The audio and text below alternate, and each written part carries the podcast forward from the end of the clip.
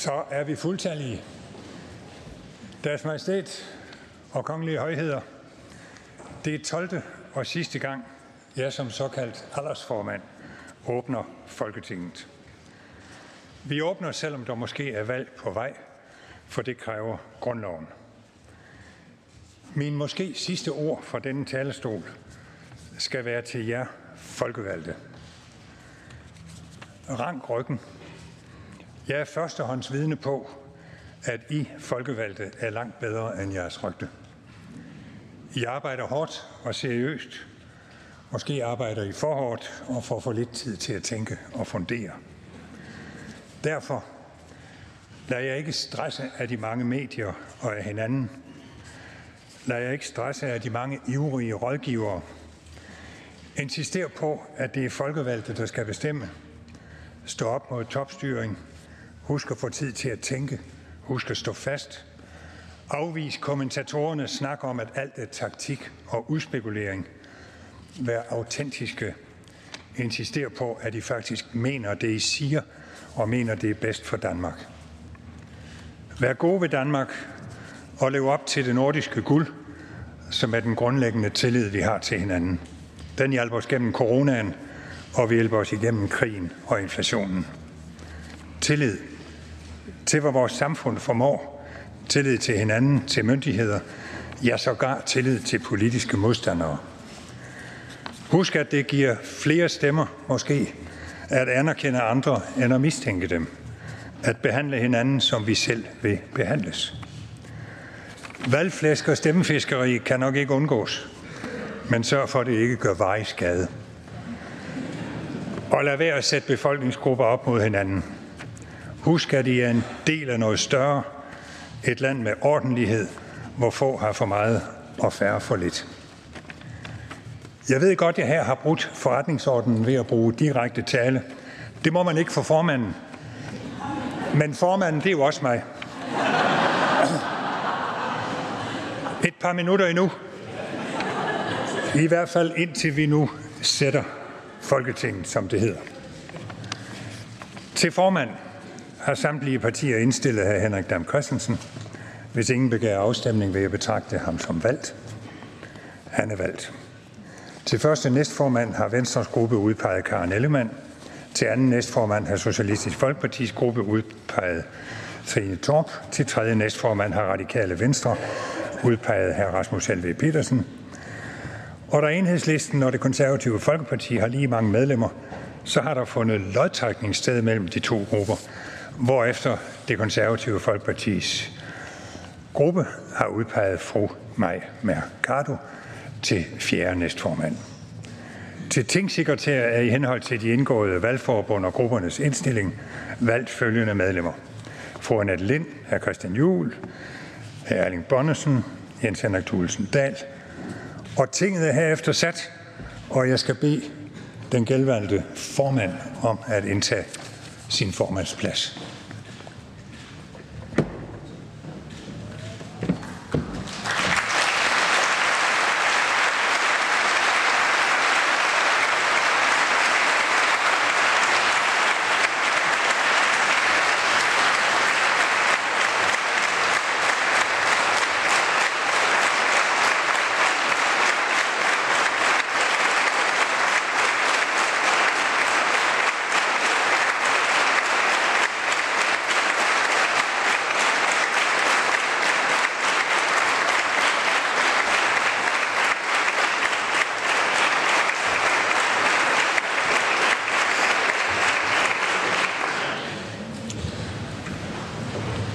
Man kan jo godt få en reprimande på efterbevilling.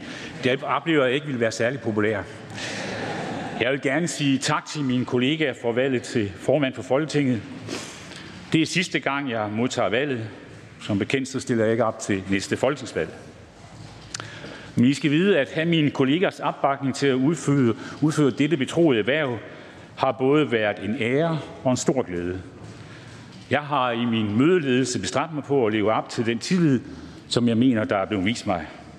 Jeg håber, at man har oplevet en fair og retfærdig behandling, og at det har været i overensstemmelse med grundloven og forretningsordenen.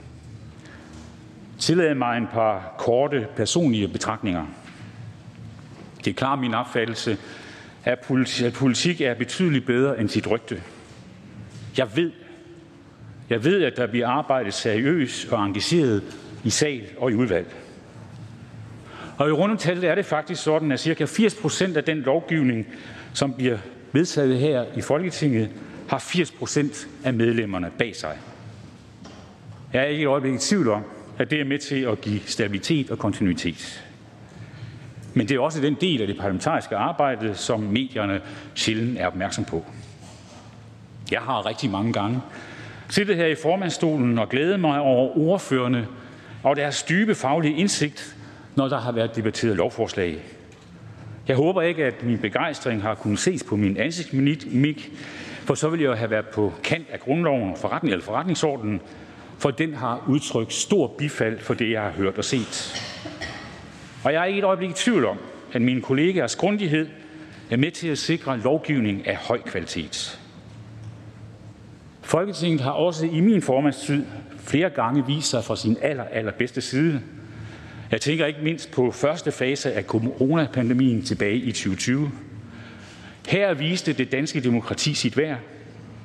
Grupperne bekræftede, at de sammen ville være med til at bringe Danmark igennem den alvorligste krise i de seneste 50 år. Det var jeg stolt over at bevidne her for formandstolen. Det danske demokrati har dybe og stærke rødder, og jeg vil bare slutte med at sige, at jeg føler mig optimistisk på folkestyres vegne. Folketingets åbning er en demokratiets festdag, og ingen fest uden gæster. Og derfor glæder jeg mig til at byde velkommen til vores gæster her i dag. Hjertelig velkommen til hendes majestæt dronningen, til hans kongelige højhed, kronprinsen, til hendes kongelige højhed, kronprinsessen, og til hendes kongelige højhed, prinsesse, prinsesse Benedikte. Og ligeledes hjertelig velkommen til repræsentanter for Højesteret og Københavns overborgmester. Sidst men ikke mindst velkommen til formand for sin Atitadut, samt lagmanden og lagtingsformanden for Færøerne. Og herefter vil jeg gerne give ord til statsministeren, så hun kan give den i grundlov omhandlende redegørelse for rigets tilstand og de af regeringen påtænkte forhandlinger. Værsgo, statsminister.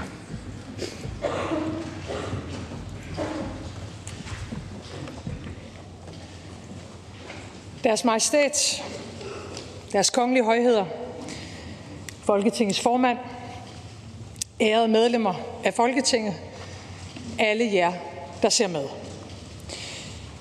Jeg vil gerne fortælle en historie om tre mennesker. Den ene, en pige, der var så genert, at hun gemte sig for sine fædre og kusiner, når de var på besøg. Men som 12-årig skrev i sin dagbog, at nu ville hun ikke længere blive rød i hovedet, når fremmede talte til hende. Den anden, en ung mand, der mistede sine to første børn, kun syv uger og tre måneder gamle. Og på den mest barske måde erfaret, hvor uretfærdigt livet kan være. Men som holdt sammen med sin kone, fik en dejlig familie, og trods tragedien altid har evne at være der for andre. Den tredje, en dreng, som stammede voldsomt, holdt sig for sig selv og blev drillet i skolen, men som fik mere og mere selvtillid, da en pige i klassen tog ham i forsvar, og som aldrig siden har været bange for at gå sine egne veje og mene noget andet end de fleste. Tre historier om glæde og smerte, sejre og nederlag, håb og bekymringer. Det kan være en historie om os alle sammen, hver enkelt af os. Og historie om en nation og et folk. Om viljestyrke og stolthed. Om stærke fællesskaber.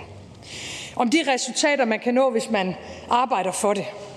Er fælles om det. Det der særlige danske. Om ikke at klare sig på trods. Og nok så vigtigt, om at klare sig i kraft af andre. Hvis du tror, du er for lille til at gøre en forskel, så prøv at sove med en myg.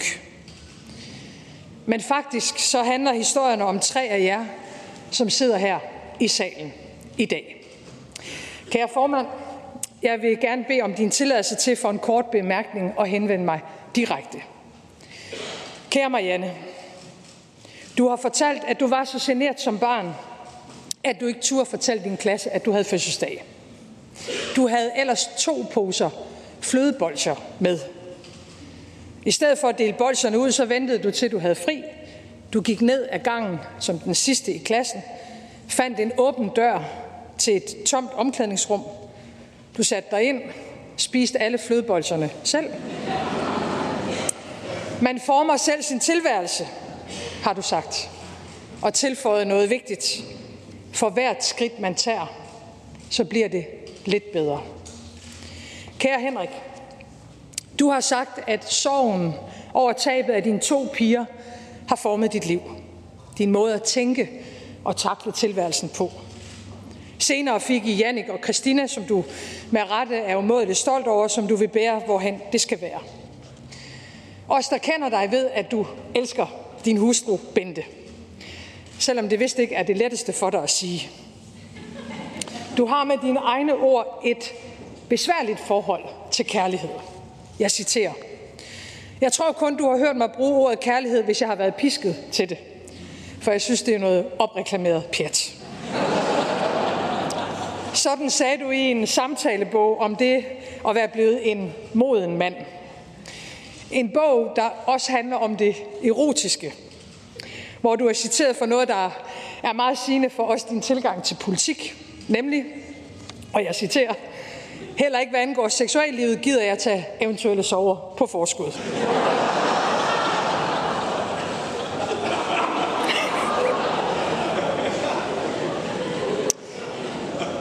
Kære Bertel, kun fire år gammel blev du indlagt på hospitalet med en sprængt blindtarm. Du lå på en stue med 20 andre børn. Du græd utrøsteligt.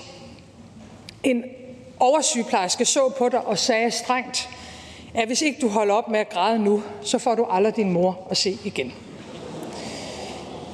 Du holdt op med at græde, men da du kom hjem, var du begyndt at stamme. Det gjorde indimellem din far utålmodig. Men din mor sagde, at hvis ikke du kan sige det, så kan du synge det. Du synes vist nok, det var en tåbelig idé. Men siden har du alligevel beriget os andre, både med din sange og med din tale, så sent som i dag. Der er altid en vej. Man skal bare finde sin egen, og det gjorde du. Du er ikke meget for gruppearbejde. Ifølge dig så svarer det til at dele hinandens uvidenhed. Nogen vil måske mene, at jeg har det lidt på samme måde.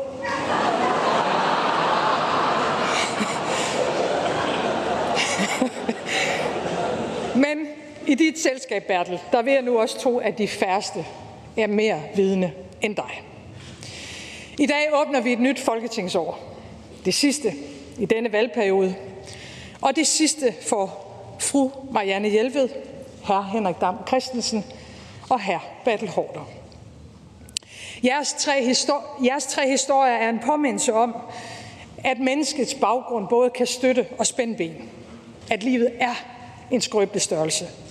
Men at vi mennesker kan overkomme selv de vanskeligste situationer. I har alle tre meddelt, at I ikke genopstiller ved det kommende valg. Det samme har flere af vores kolleger. Hvorfor indleder jeg med jeres historie på en dag, hvor jeg som statsminister skal redegøre for rigets tilstand? Det gør jeg, fordi I tre på mange måder personificerer historien om Danmark. Vores historie. Med jer siger vi farvel til sammenlagt mere end 100 års folketingserfaring. Knap 45 års ministererfaring. Ingen af jer har nogensinde pustet til polariseringens gløder. Aldrig. I har samarbejdet på kryds og tværs af partier og holdninger, indgået tusindvis af kompromiser. I har pligtopfyldende passet jeres arbejde og passet på Danmark. Tak for det. At vi skal passe på Danmark, det understreger begivenhederne i sidste uge desværre kun alt for godt. Lige uden for Bornholm og Christiansø, lige uden for dansk farvand, blev tre gasledninger sprængt i stykker. Naturgasudslippet er så stort, at det svarer til en tredjedel af Danmarks samlede CO2-udledninger på et år. Det er myndighedernes klare vurdering, at der ikke var tale om et uheld. Det var ikke tilfældigt. Det er en bevidst handling. En uhørt handling, som vi ser på med største alvor. Efterforskningen er nu i gang. Beredskabet i energisektoren er hævet, og sammen med vores partnere og allierede skærper vi opmærksomheden omkring den kritiske infrastruktur. Verden er blevet mere usikker. Energikrise, cyberangreb, anslag mod kritisk infrastruktur, vores forsyningssikkerhed er under pres, og værst af alt, krigen er tilbage i Europa. Før det en pandemi. Må ikke de fleste af os i de forgangne år har haft en vis bekymring. Hvordan vil det gå? Hvad betyder noget for os, når det virkelig gælder? Ved fælles kraft, der lykkedes det i Danmark at tæmme pandemien. Vi er et af de lande, der har klaret det bedst økonomisk og menneskeligt. Nok mistede vi fodfæste, men vi fandt det igen. For så blot at opdage, at det måske kun var for en stund. Vi har været vant til fremgang. Nu står vi over for modgang. En ny alvor har indfundet sig. Men også et nyt håb og en vilje. Og en fornyet bevidsthed om, at vi sammen kan klare de største og de sværeste prøvelser. Den insisteren på, at fanden ikke skal få lov at tage den sidste, at vi ikke giver op, men at vi altid tager fremtiden i vores egne hænder, det får vi brug for nu. Priserne stiger, regningerne på gas og el eksploderer. Vi skruer ned for varmen, tjekker el-appen og vasker, når strømmen er billigst. Vi sparer, hvor vi kan.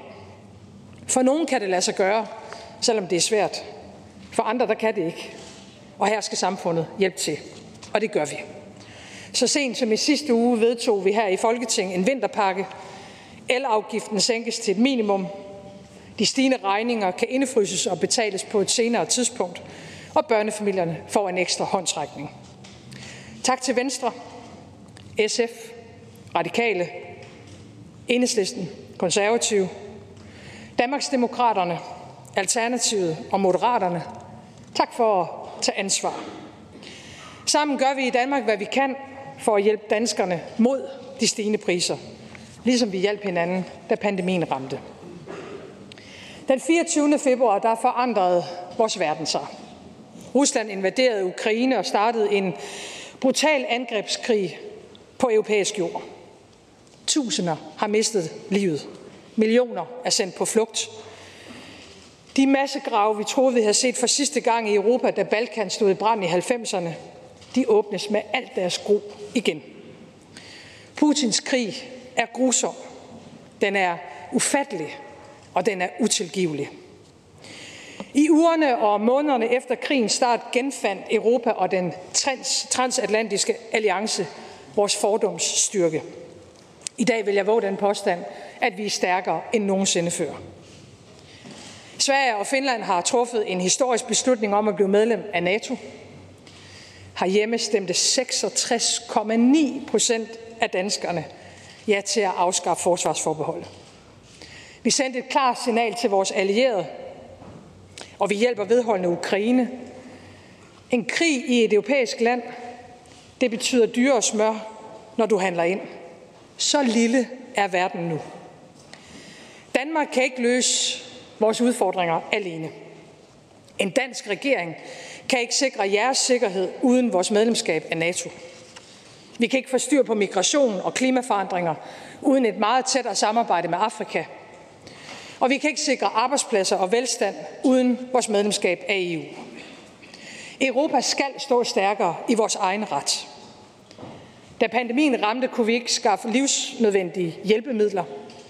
Nu mangler vi mikrochips til computer og ganske meget andet til vores egen produktion. Har vi europæere tænkt, handlet og opført os for naivt? Det må alle nok erkende. Vi skal ikke skære ned på militærbudgetterne, når andre de opruster. Vi skal ikke sælge vores kritiske infrastruktur til højstbydende. Vi skal til gengæld spille en langt mere offensiv rolle internationalt. Ellers så er der andre, der gør det. Statsstøttereglerne skal ses kritisk efter. Det samme skal reguleringen af energimarkedet. Derfor har regeringen i EU arbejdet for, at vi kan inddrage den ekstraordinære profit, som både selskaber og mellemhandlere tjener på grund af krigen. De penge, det må indbringe i Danmark, dem vil regeringen krone for krone føre tilbage til danskerne. I det hele taget står vi i en brydningstid, og vi skal gentænke hele globaliseringen, så den kommer flere mennesker, vores suverænitet og ikke mindst klimaet til gavn. Der truer os i tiden en ond, usynlig magt. Sådan skrev den danske forfatter Ole Vivl til indvisende af Boring Højskole, der blev skabt i atombombens skygge efter 2. verdenskrig. Sangen skulle både se den truende virkelighed i øjnene og vise en vej frem. Desværre er den blevet aktuel igen. Ruslands oprustning og mobilisering, hadsk tale, ulovlige folkeafstemninger i ukrainske regioner, trusler om atomkrig. Det varsler en svær tid, men vi bøjer os ikke. Og det er den viljefasthed, der kendetegner Danmarks internationale engagement. Fra vores soldaters tilstedeværelse på NATO's østlige flanke til verdens brandpunkter. Fra vores kandidatur til FN's Sikkerhedsråd til den grønne strategiske partnerskabsaftale med Indien. Vi forhandler med amerikanerne om en bilateral forsvarsaftale, og vi ser på, om Esbjerg havn kan udbygges, så allierede skibe kan ligge til. Vi kæmper for menneskerettigheder, for retten til fri abort for alle piger og kvinder og imod klimaforandringerne. Danmarks navn er stærkt globalt. Jonas Vingegaard gjorde en hel nation stolt, da han vandt turen i sommers. Måske endnu mere, da han ventede på sin konkurrent efter et styrt på en af de sidste nedkørsler. Man kan regne med os danskere, med de danske virksomheder, der kan levere svar på stort set alle de spørgsmål, verden i de her år rejser. Vi er en samvittighedsfuld samarbejdspartner for verdens fattigste lande.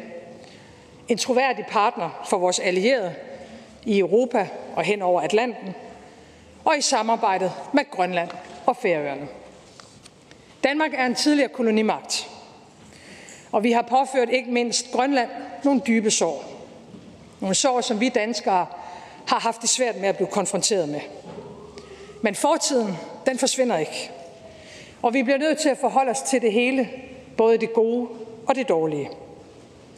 I dag har Færøerne, Grønland og Danmark et stadig mere ligeværdigt samarbejde med respekt de tre lande imellem. Regeringerne mødes nu mere struktureret, løbende, ikke mindst for at diskutere udenrigs-, sikkerheds- og forsvarspolitik. Det har styrket rigsfællesskabets mulighed for at navigere i en ny virkelighed, hvor de geopolitiske udfordringer er lige uden for vores vindue, og hvor ingen er til salg. I mere end tre år har jeg været Danmarks statsminister. I dette lille land, der dog er så vidt om jorden. Og i en helt anden valgperiode, end nogen kunne have forudset. Først en pandemi, så krig i Europa, nu en energikrise og sorte skyer over økonomien. Om lidt vil de politiske forskelle for alvor blive tegnet op. Vi har forskellige svar på de spørgsmål, vores tid stiller os. Men de bedste svar, den finder vi i et samarbejde. Og uanset hvilken regering, der har den fantastiske ære, det er for en tid at udstikke retning for Danmark. Uanset hvilken regering, der efter et valg får ansvaret, så venter der kun svære beslutninger. Jeg vil i det følgende fremhæve de fire områder, som et nyt folketing og en ny regering sammen skal finde svar på. For det første, hvordan får vi Danmark og hver enkelt familie igennem det økonomiske stormvær, der venter os? For det andet, Hvordan sikrer vi, at der også i fremtiden er et stærkt velfærdssamfund med tid til omsorg? For det tredje, hvordan tager vi de næste store skridt i kampen mod klimaforandringerne? Og for det fjerde, hvordan sikrer vi danskernes tryghed og friheden til at kunne leve præcis det liv, man ønsker sig? Der er ingen lette svar på nogen af de spørgsmål. Men hvis vi gør det, som generationerne før os har gjort, tænker os om, lytter til hinanden, holder fast i vores danske værdier, har hele landet med, de små bysamfund, de stolte provinsbyer, landdistrikterne, hovedstaden og de større byer. Vi har langt om længe vendt centralisering. Nu flytter vi uddannelser ud i landet, har oprettet nærpolitistationer. Hvis vi ser helheden, har mod til at tage ansvar, til at samarbejde, så finder vi balancerne. Og lad mig starte der, ved balancerne i dansk økonomisk politik. Danmark er et af de lande i Europa, der har den sundeste økonomi. Overskud på de offentlige finanser, en god konkurrenceevne, høj eksport, lav arbejdsløshed. Det vi kan være mest stolte af, det er, at flere mænd og kvinder i år går på arbejde end nogensinde før i vores historie.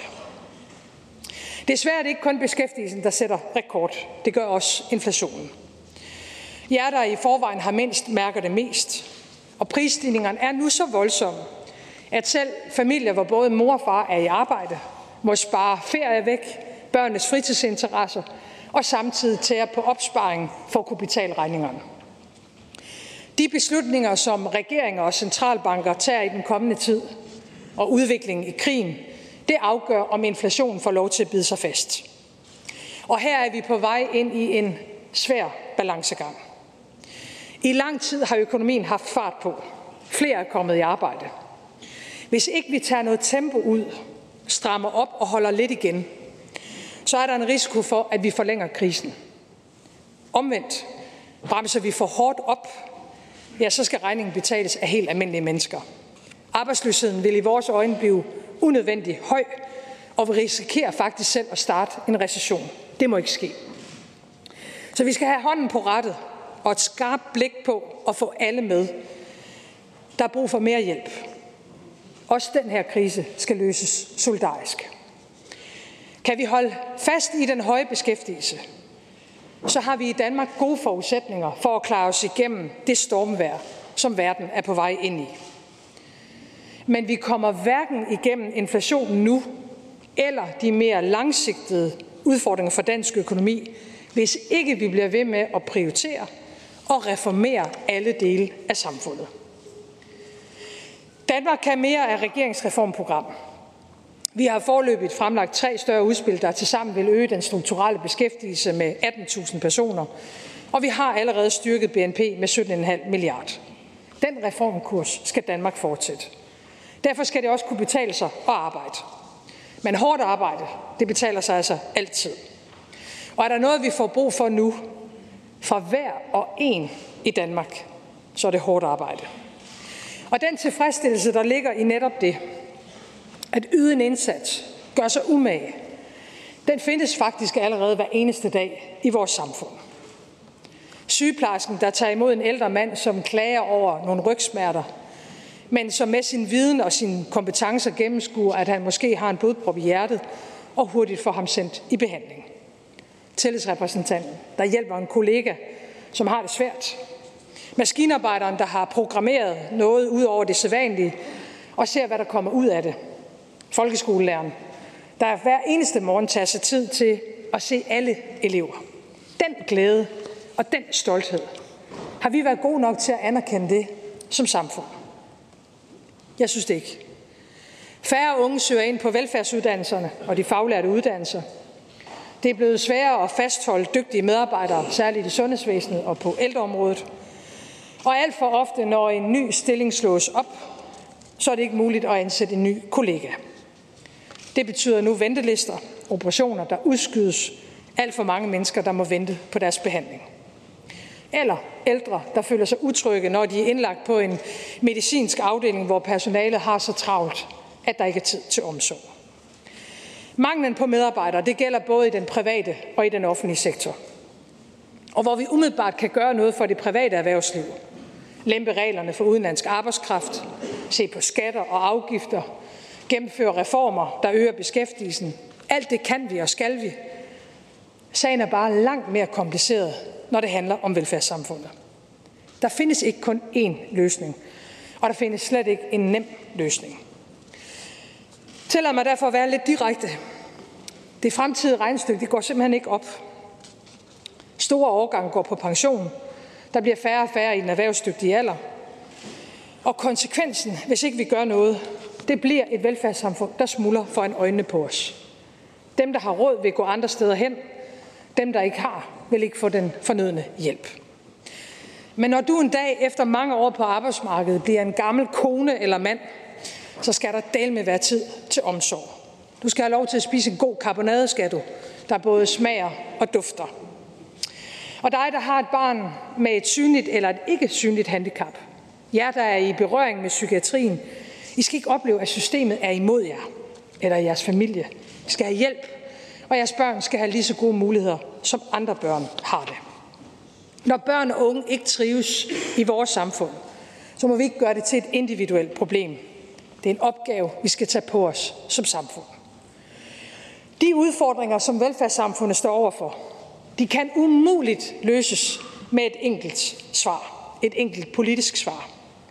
Økonomien, den skal selvfølgelig være i orden. Men flere penge løser det ikke i sig selv. Store besparelser gør selvsagt slet ikke. Svarene skal også findes i mindre styring, mindre byråkrati og en erkendelse af, at løn og arbejdsvilkår spiller en rolle. Vi skal også reformere uddannelserne. Mange herinde i salen har gået på universitetet. Måske dengang, hvor det kun var cirka hver tiende i en ungdomsårgang, der gjorde netop det. I dag forventes det at gælde for hver fjerde. Generation for generation er vi blevet dygtigere. Det er en ubetinget succes. Men universiteterne er stadig designet til en tid, hvor det primære formål var at forske og specialisere sig. Er det et helt urimeligt spørgsmål at stille, om vi alle har behov for fem år på universitetet i dag? Hvis vi til gengæld kunne give de unge flere timer, mere vejledning, mere kvalitet og bedre mulighed for at dygtiggøre sig igennem et liv. Og i øvrigt investere i de andre uddannelser, som vi også har brug for. Velfærd, erhvervsuddannelserne. For om vi kan lide det eller ej, så har signalet fra skolen og fra samfundet været, at nogle uddannelser er finere end andre. Det betaler vi i Danmark en høj pris for nu. Det er vores ansvar at få ændret på det. Som politiker kommer jeg aldrig til at foreslå, at vi her i salen skal lovgive om, hvilke faggrupper der skal have været i løn. Det er kun arbejdsmarkedets parter, der kan forhandle om det. Men vi kan omvendt ikke blive ved med at ignorere, at løn og arbejdsvilkår har en betydning. Derfor vil regeringen tage initiativ til forhandlinger om en helhedsplan for velfærdssamfundet. Vi foreslår, at den skal række 15 år ud i fremtiden. Læg sporene til fælles reformambitioner, der styrker dansk økonomi og gør os rigere. Den helhedsplan skal både indeholde uddannelsesreformer, økonomi, løn og arbejdsvilkår, et tættere samarbejde mellem offentlige og private aktører, mere frihed til medarbejderne og lederne, og vigtigst, mere frihed til borgerne. Når det handler om klimaet og vores miljø, så er vi i Danmark ikke længere bange for at gå forrest. Og hvor det dog klæder os. Danmark er vidderligt en grøn supermagt i dag. I store dele, produceres, I store dele af Jylland produceres vindmøller. På Als er det termostater, i Bjerringbro energieffektive pumper. I Kalundborg enzymer til biobrændsel. Og i Skive vil landbrugsaffald blive til flybrændstof.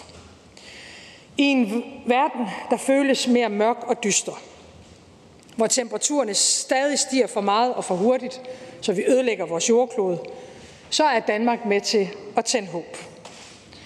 Vi har samlet vores nabolande først om det mål at gøre Nordsøen til at være Europas første grønne kraftcenter, og dernæst om det mål, at Østersøen skal være det næste. I fremtiden kan vi danskere ikke alene levere grøn strøm til hele Danmark, men sammen med vores naboer levere grøn strøm til halvdelen af Europa. Det kan vi altså godt tillade os at være stolte over. Men det skal give os mod på endnu mere. Vi er lige nu et forgangsland, fordi vi udvikler og finder nye løsninger. Men det er vi jo ikke længere, hvis vi stopper og lukker ned. I det her folketing, der er der i gennemsnit indgået en grøn aftale næsten hver anden uge igennem de seneste tre år. Vi har blandt andet aftalt en højere og mere ensartet CO2-afgift i industrien, så de virksomheder, der udleder mest, også betaler for det. Vi er nået tre fjerdedel af vejen mod at reducere Danmarks drivhusudledninger med 70 procent i 2030. Hvem havde egentlig forestillet sig det, da vi vedtog klimaloven for år tilbage? Nu skal vi helt i mål. Og vi skal blive meget bedre til at beskytte vores natur og miljø. Vores skove med de brede bøge, løvet, der står så grønt. Mange af os har sunget eller synger for vores børn. Jeg ved en lærkerede. Men nok er lærken stadig almindelig i Danmark, men den barske sandhed er, at Danmarks bestand af lærker er halveret. Sommerfuglen har vi også færre af. Vores plante- og dyreliv forsvinder bogstaveligt talt foran øjnene og næsen på os. Hvis ikke vi gør noget mere drastisk, så bliver det kun i sangene, at vores børnebørn hører om lærker, viber, engdrag og moser. A.P. Møller sagde engang, den der har evnen har pligten. Vi ved, vi har evnen. En evne, der gror med de krav, vi stiller til os selv. Vi har også pligten. Men det kræver, at vi fortsætter den nuværende kurs. Vi skal beskytte det danske guld, vores rene drikkevand. Indføre en CO2-afgift i landbruget. Sikre helt grøn indrigsluftfart og producere meget mere vedvarende energi. For klimaets skyld, for at gøre os fri af Putin og for at få priserne ned. Økonomi, velfærd, klima. Det sidste, jeg vil berøre, er tryghed. Friheden til at leve det liv, man ønsker. Mange, langt de fleste, føler sig i Danmark trygge i deres hverdag. bliver ikke udsat for kriminalitet, og mulighederne er mange. Men for andre er det anderledes. Man undgår de mørke stisystemer. Man lader være med at tage S-toget. Går udenom store grupper, der er højtråbende og som virker fjendtlige. At man på den måde skal tage sine forholdsregler, det hører ikke hjemme i et frit Danmark. Det er urimeligt, og det er forkert. Og desværre er det ikke uden grund, at mange føler sig utrygge. Umotiveret overfald, meningsløs vold, og alt det, der måske ikke er decideret kriminelt, men som er åbenlyst truende og chikanerende.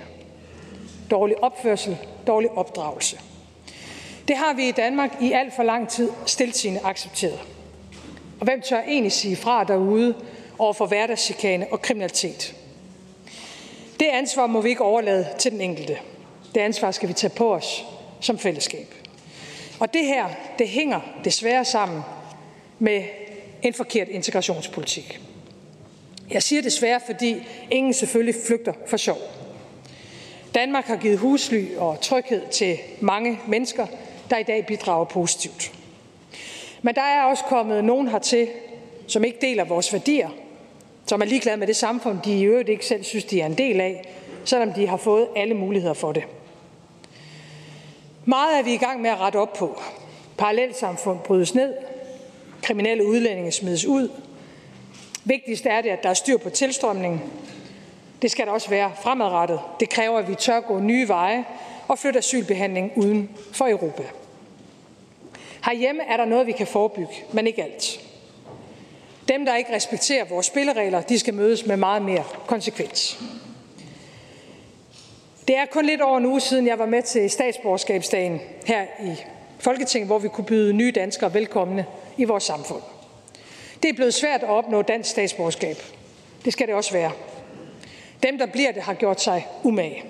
Og stoltheden lyste ud af deres øjne. De vil Danmark.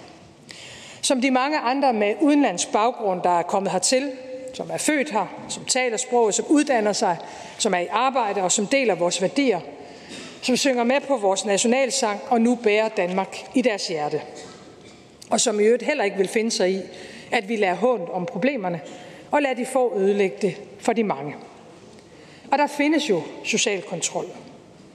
Piger, der er født og opvokset i Danmark, som skal dække sig til, som ikke selv må bestemme, hvem de skal giftes med, og som ikke får lov til at opleve ungdommens forelskelse på grund af et håbløst forældet syn på familie og ære.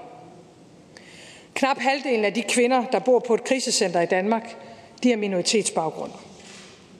I Iran, der brænder de deres hijab. De viser håret. De mødes med vold og magt. Flere tortureret og døde.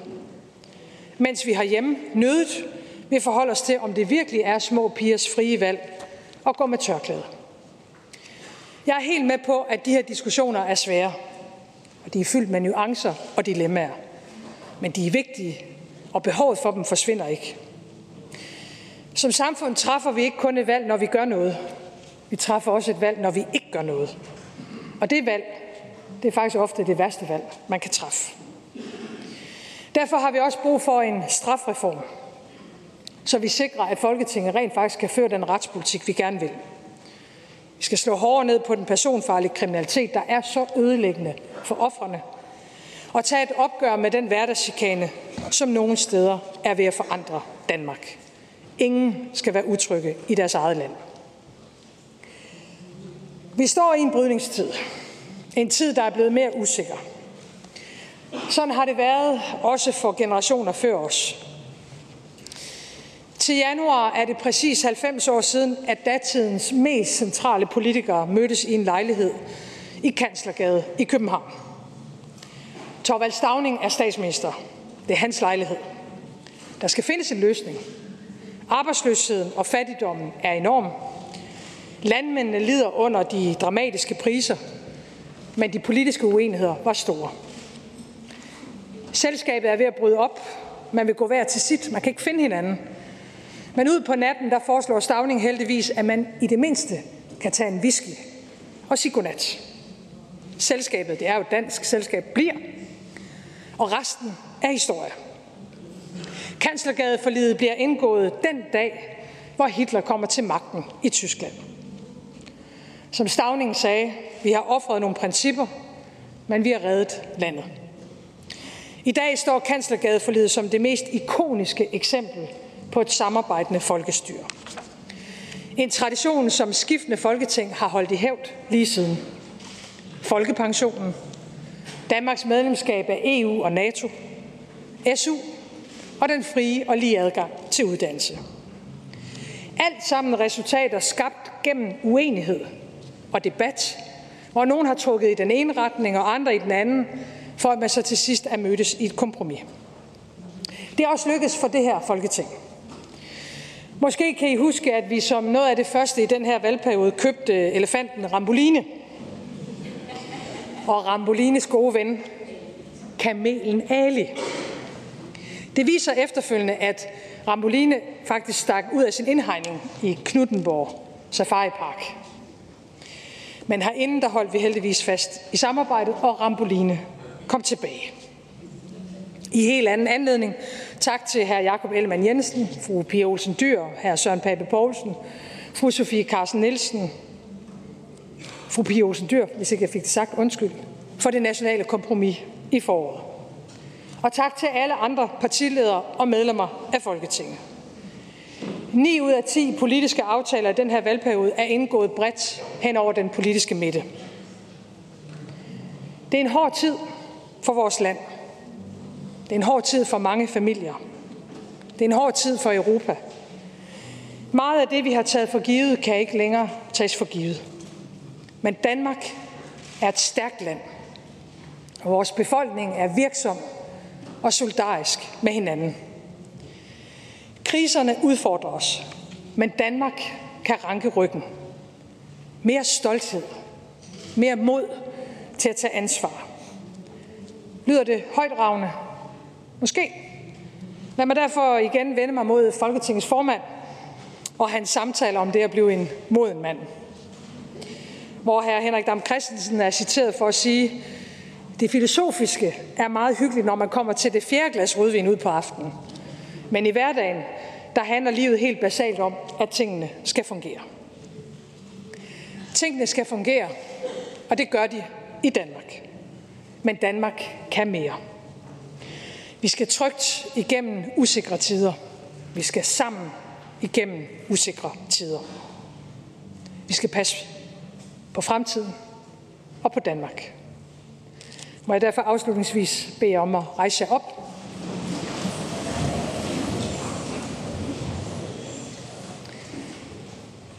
Danmark leve! Hurra! Hurra! Hurra!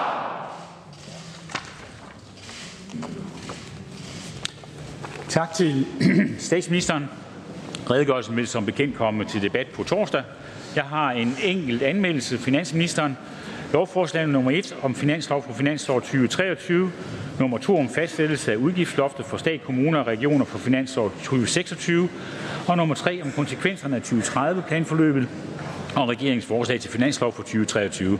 Titlen på de anmeldte sager vil fremgå af Folketingstidende. Der er ikke mere at foretage i dette møde. Folketingets næste møde afholdes i morgen, onsdag den 5. oktober kl. 13. Og jeg henviser til den afsorden, der vil fremgå af Folketingets hjemmeside. Mødet er hævet.